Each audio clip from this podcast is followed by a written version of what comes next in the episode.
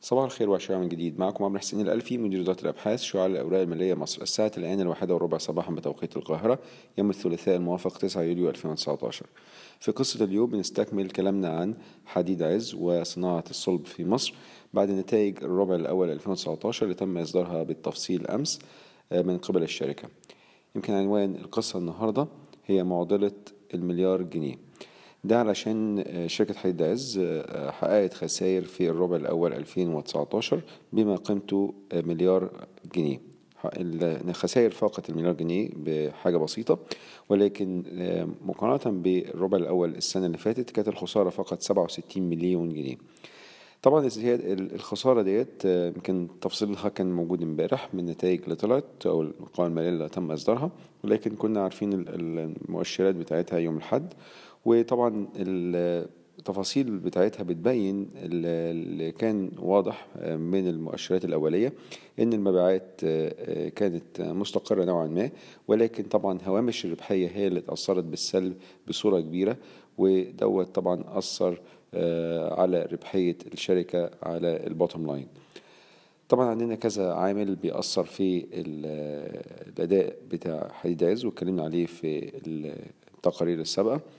ولكن طبعا عندنا أول حاجة هوامش الربحية انخفضت بصورة كبيرة. عز الدخيلة انخفض من الربع الأولاني 2018 كان 14.8% وصل ل 6% فقط. عندنا برضو Ezz Steel Rebars والدرفلة. مجمل أو هامش مجمل الربح بتاعهم انخفض من 10.4% ل 1.3% وعندنا حتى عز للحديد المسطح أو الصلب المسطح الخسائر بتاعتها اللي هي بتعمل مجمل هامش خسارة كان أربعة فاصل تسعة في المية ارتفع ل سبعة فاصل ستة في المية. كل الكلام دوت يعني أسبابه الأساسية إن ارتفاع طبعا سعر خام الحديد. السبب الثاني وطبعا ارتفاع تكلفة الإنتاج بما يتضمنه من ارتفاع أسعار الكهرباء طبعا في الربع الأول 2019 مقارنة بالربع الأول 2018 لأن في شهر 7 2018 كانت أسعار الكهرباء ارتفعت بما يعادل تقريبا 38% مش بس كده بنتكلم السنة دي إحنا لسه بالنتائج الربع الأول تم إصدارها لكن لسه مستنيين الربع الثاني والربع الثالث والربع الرابع.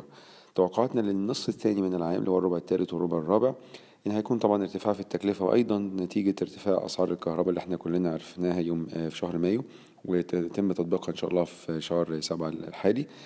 آه بنتكلم على ارتفاع اسعار الكهرباء مرة أخرى بحوالي 10% آه ارتفاع أقل من 38% السنة اللي فاتت بس ما زال يعتبر ارتفاع.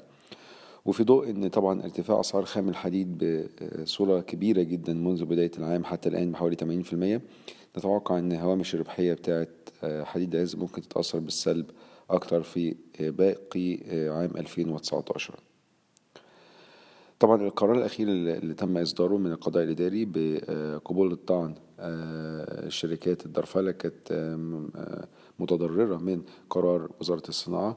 بفرض رسوم حمائية بحوالي 15% بحد أقصى 15% على ال billet المستورد.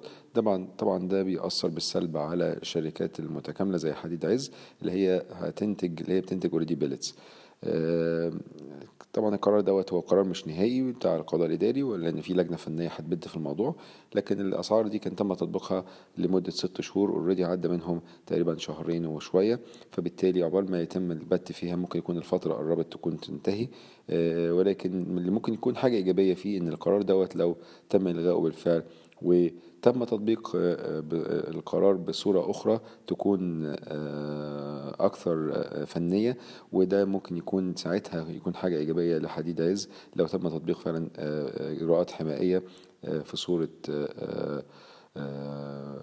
نسب مئوية يتم فرضها أو نسب مئوية يتم فرضها على البلت المستورد. بناء على ما سبق وإحنا كنا في تقارير سابقة قلنا في شهر فبراير لما حصل مشكلة سد البرازيل لما انهار واثر على إنتاج شركة فيلو وبالتالي رفع أسعار خام الحديد. اتكلمنا برضو عن الموضوع دوت في شهر مايو وإزاي إن القرارات اللي خدتها الحكومة الصينية إن هي تقفل بعض المناجم الحديد عشان البيئة وده أثر بالسلب أيضا على خام الحديد وبالتالي دوت زود أسعار خام الحديد. ومؤخرا من يومين اتكلمنا برضو عن المشاكل اللي ما زالت تواجه قطاع الحديد في مصر في الفترة الماضية وتوقعاتنا إن هي ممكن تستمر في الفترة القادمة كل الكلام دوت إحنا قلناه كان شايفين سلبيات في القطاع منذ شهر فبراير. ولكن بما إن الواضح إن هو المشاكل أو الظروف القهرية اللي بتواجه شركة زي شركة حديد عز أو قطاع الحديد بصفة عامة شكلها مستمره حتى نهاية العام. بنفضل إن إحنا نبعد عن القطاع في الوقت الحالي بالرغم إن إحنا عارفين إن القيمة السوقية بالنسبة لشركة زي حديد عز لا تعكس قيمة الأصول بالمرة الموجودة في الشركة. ولكن إحنا بنبص على الربحية في الوقت الحالي وده اللي ممكن يأثر على تحركات السهم في الوقت القصير. فبنفضل إن إحنا نبعد شوية عن القطاع دوت لحد ما الظروف تتحسن عالميا ومحليا. تفاصيل أكتر موجودة في التقرير بتاعنا ممكن حضراتكم تطلعوا عليها. شكرا لكم السلام عليكم ورحمة الله وبركاته.